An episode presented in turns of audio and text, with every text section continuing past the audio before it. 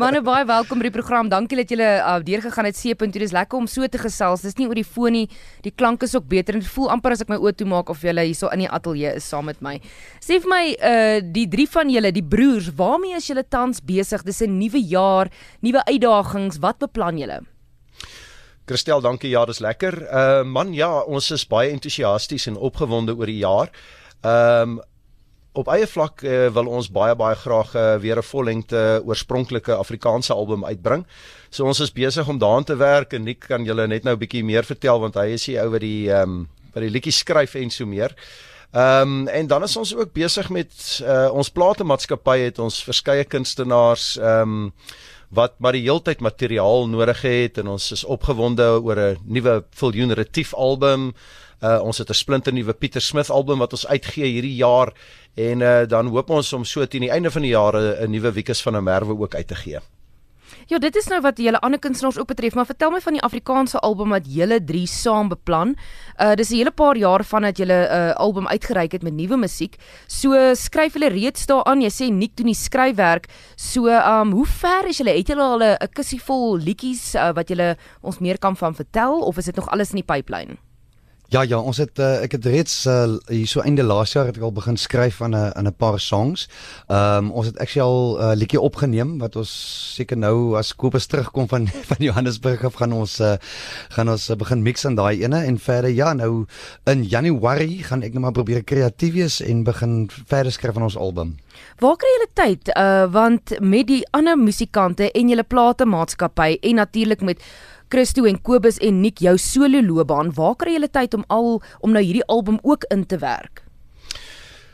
Christel, ek dink heel eerstens speel ons nie golf nie. Ehm um, dink dit veroorsaak dat ons 'n uh, bietjie tyd het. Uh maar dit is maar tydsbestuur. Uh, ek dink ook ou Nick sal ook vir jou sê dat ons uh, ou het maar in die dag het jy 'n uh, 'n oomblik waarin jou kreatiwiteit besmoontlik die beste is. Party ouens en dis laat in die nag.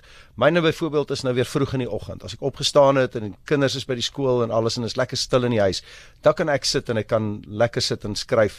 En dan doen ou dit seker so vir 'n 2 ure of 'n 3 ure en dan kan ou aangaan met die met die res van die van die verantwoordelikhede. Uh maar ek dink elke ou het maar sy sy ritme en ek dink dit is dan maar net die tydsbestuur daar agter wat belangrik is. Mm. Nou hoe besluit julle wanneer dit kom by uh die broers uh Nick se solo loopbaan en Christo en Kobus. Uh wanneer word wat opgeneem? Wat is die volgende projek? Hoe bestuur julle dit en hoe besluit julle daaroor?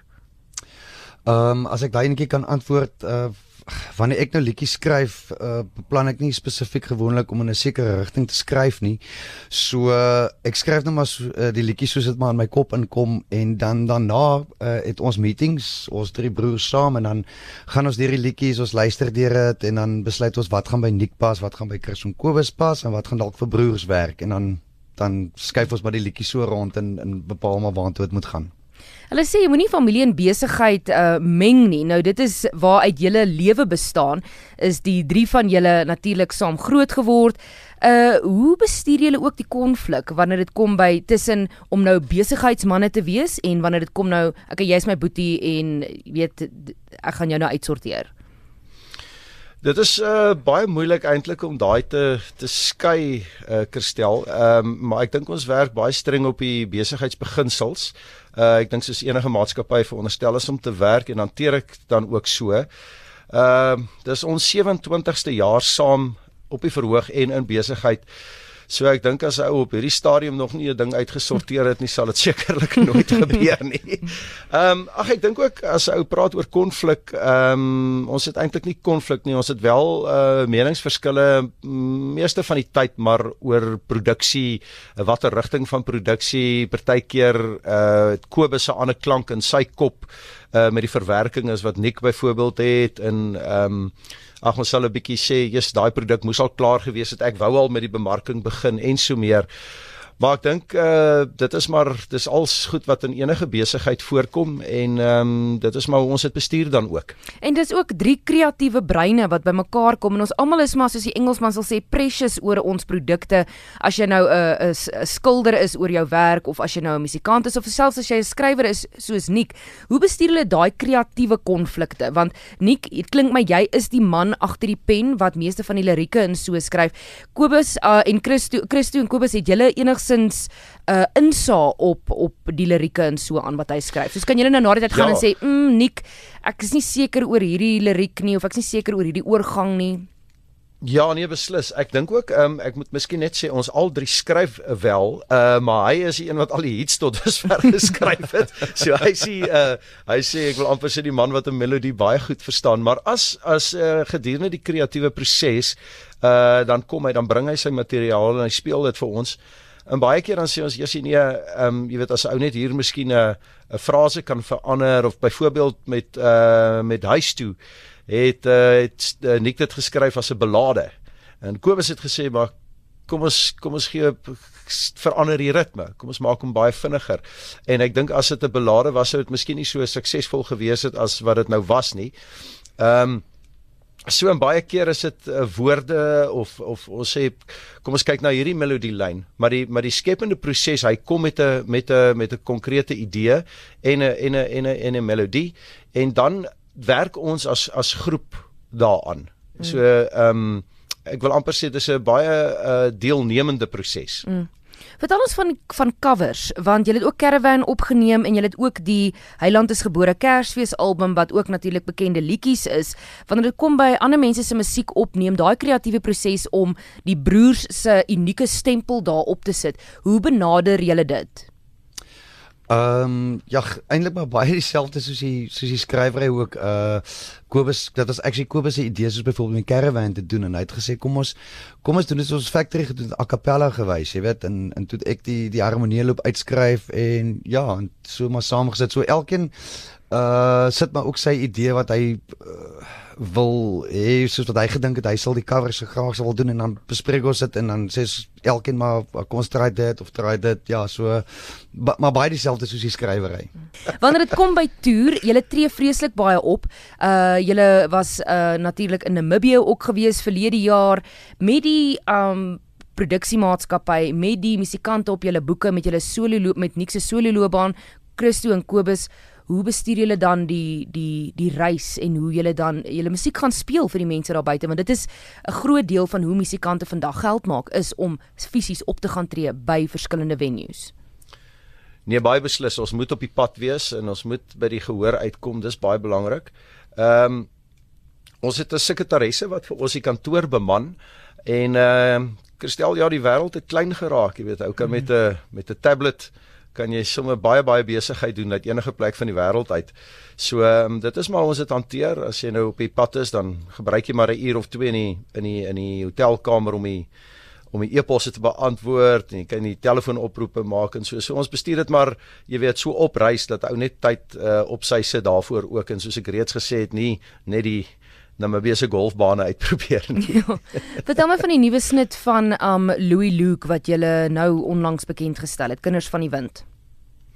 Ja, Kinders van die Wind, uh ons het hom opgeneem op 'n album wat Louis genoem het uh Skatkis Tesoro wat uh, versnit was tussen die Italiaanse taal en Afrikaans met van die grootste Afrikaanse treffers waarvan Kinders van die Wind een was.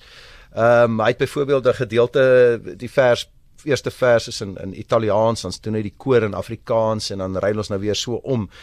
Uh en ek dink dit uh, Kobus en Nick het 'n fantastiese verwerking van uh kinders van die wind daar uh, gebesig. Vertel my van die Italiaans, Nick, uh kan jy Italiaans dan praat of het jy iemand gekry om dit vir julle te vertaal?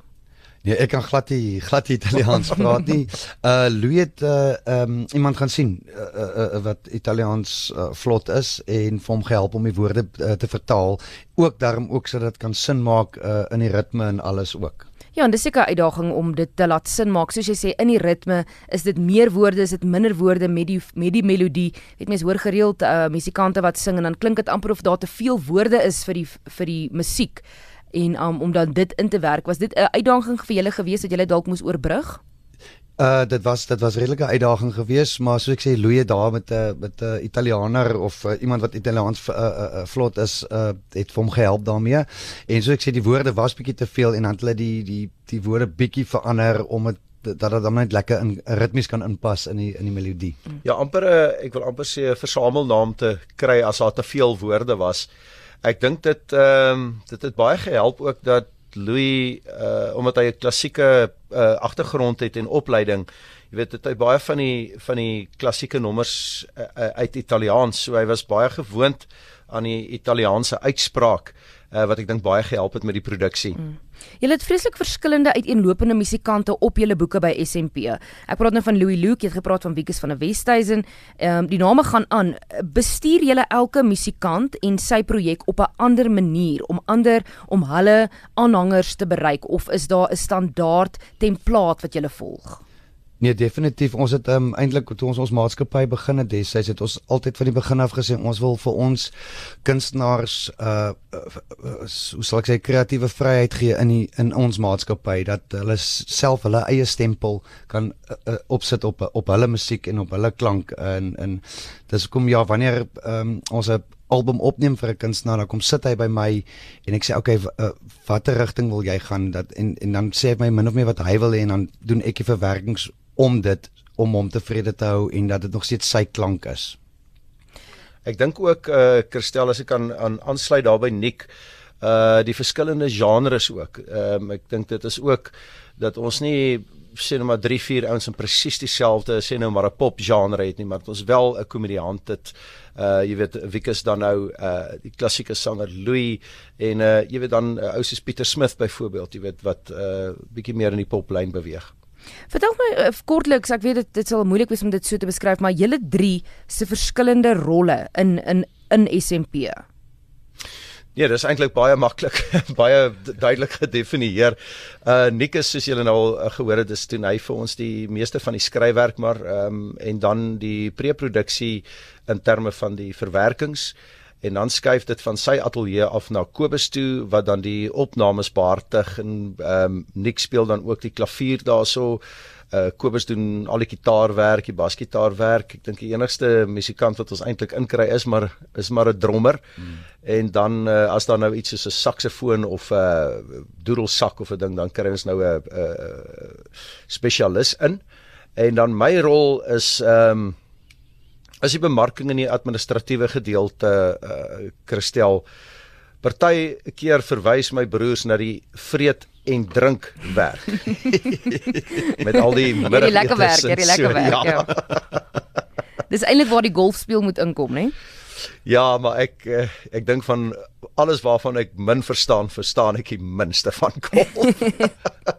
Dit is wonderlik dat julle almal aan betrokke is musikaal ook by die opnames ook van die ander musikante.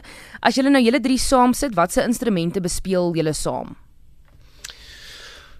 Nick speel pragtig trompet en en en en en klavier, klaverborde. Hy speel gitaar, Uh ek speel ook trompet, ek speel baie klein bietjie klavier. Ek dink nie ek moet ooit 'n opname maak nie, maar ek kan myself help. Ehm um, dan speel ek gitaar en basgitaar. Trans ek het joh, hier in die jaar 1990 basgitaar en Dani Botha se se band gespeel. Dit is eintlik die eerste keer dat ons 'n bietjie, wel wat ek uh uh jy weet in in 'n popgroep gespeel het.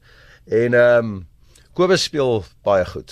Hy speel die die die pedal steel uh bietjie klavier, baie baie goed gitaar, leier gitaar. Hy speel saksofoon, saksofoon, hy speel basgitaar, ehm um, en al hierdie mandolin en die bouzouki en al hierdie goeters. Ek was eintlik gevra wat speel julle nie? die lys sou korter gewees het. nou die opleiding wanneer dit kom by hierdie instrumente, is al drie van julle opgelei of is dit maar met die oor en so oor die jare wat jy nou maar ander mense dophou en bietjie speel op die instrument? Wie wat nou alles het begin met my pa. Uh, hy het 'n lisensiaat in musiek en klavier en hy het uh met ons almal het hy eintlik van kleins af het hy vir ons klavieropleiding begin gee.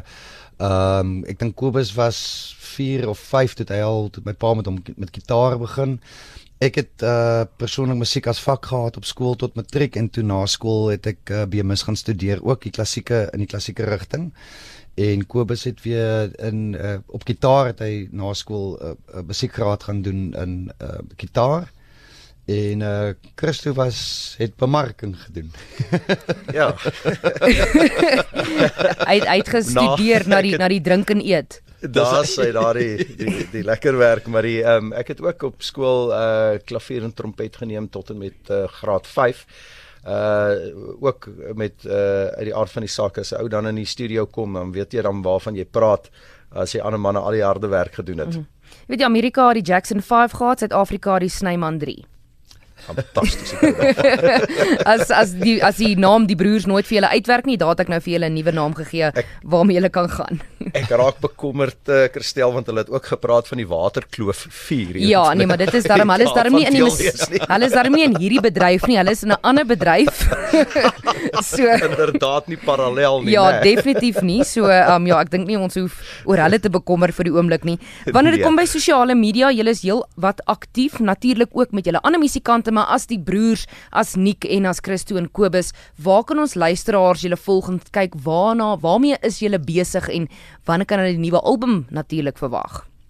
Fantasties. Uh Christel, ja, ons is op Facebook, het ons 'n groep, die broers. Ons uh het ook op Twitter het ons 'n uh, uh, rekening @diebroers uh wat die ouens ons kan volg en wat ons gewoonlik maar so 'n bietjie sê waartoe ons op pad is. Daar's op die Facebook groep is daar ehm um, uh het ons 'n hele program uh wat hulle kan gaan kyk waar ons is.